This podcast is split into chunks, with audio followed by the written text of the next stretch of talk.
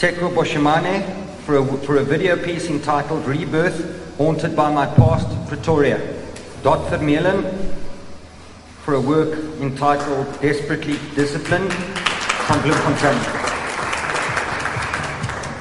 Harun Gansali and Alfred Kamanga for a collaborative work, No Man's Land, room number 14-9.1 square meters, Johannesburg.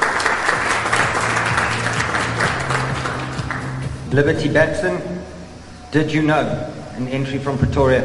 And then the craziest of the lot, Jacques Andre du Toit for a working titled Cake, Axkit Tennis Balla. And then no stranger to the winner's circle, winning a merit award last year, we welcome back Lindy Lombard for a working title Boarding, which was entered in Grahamstown.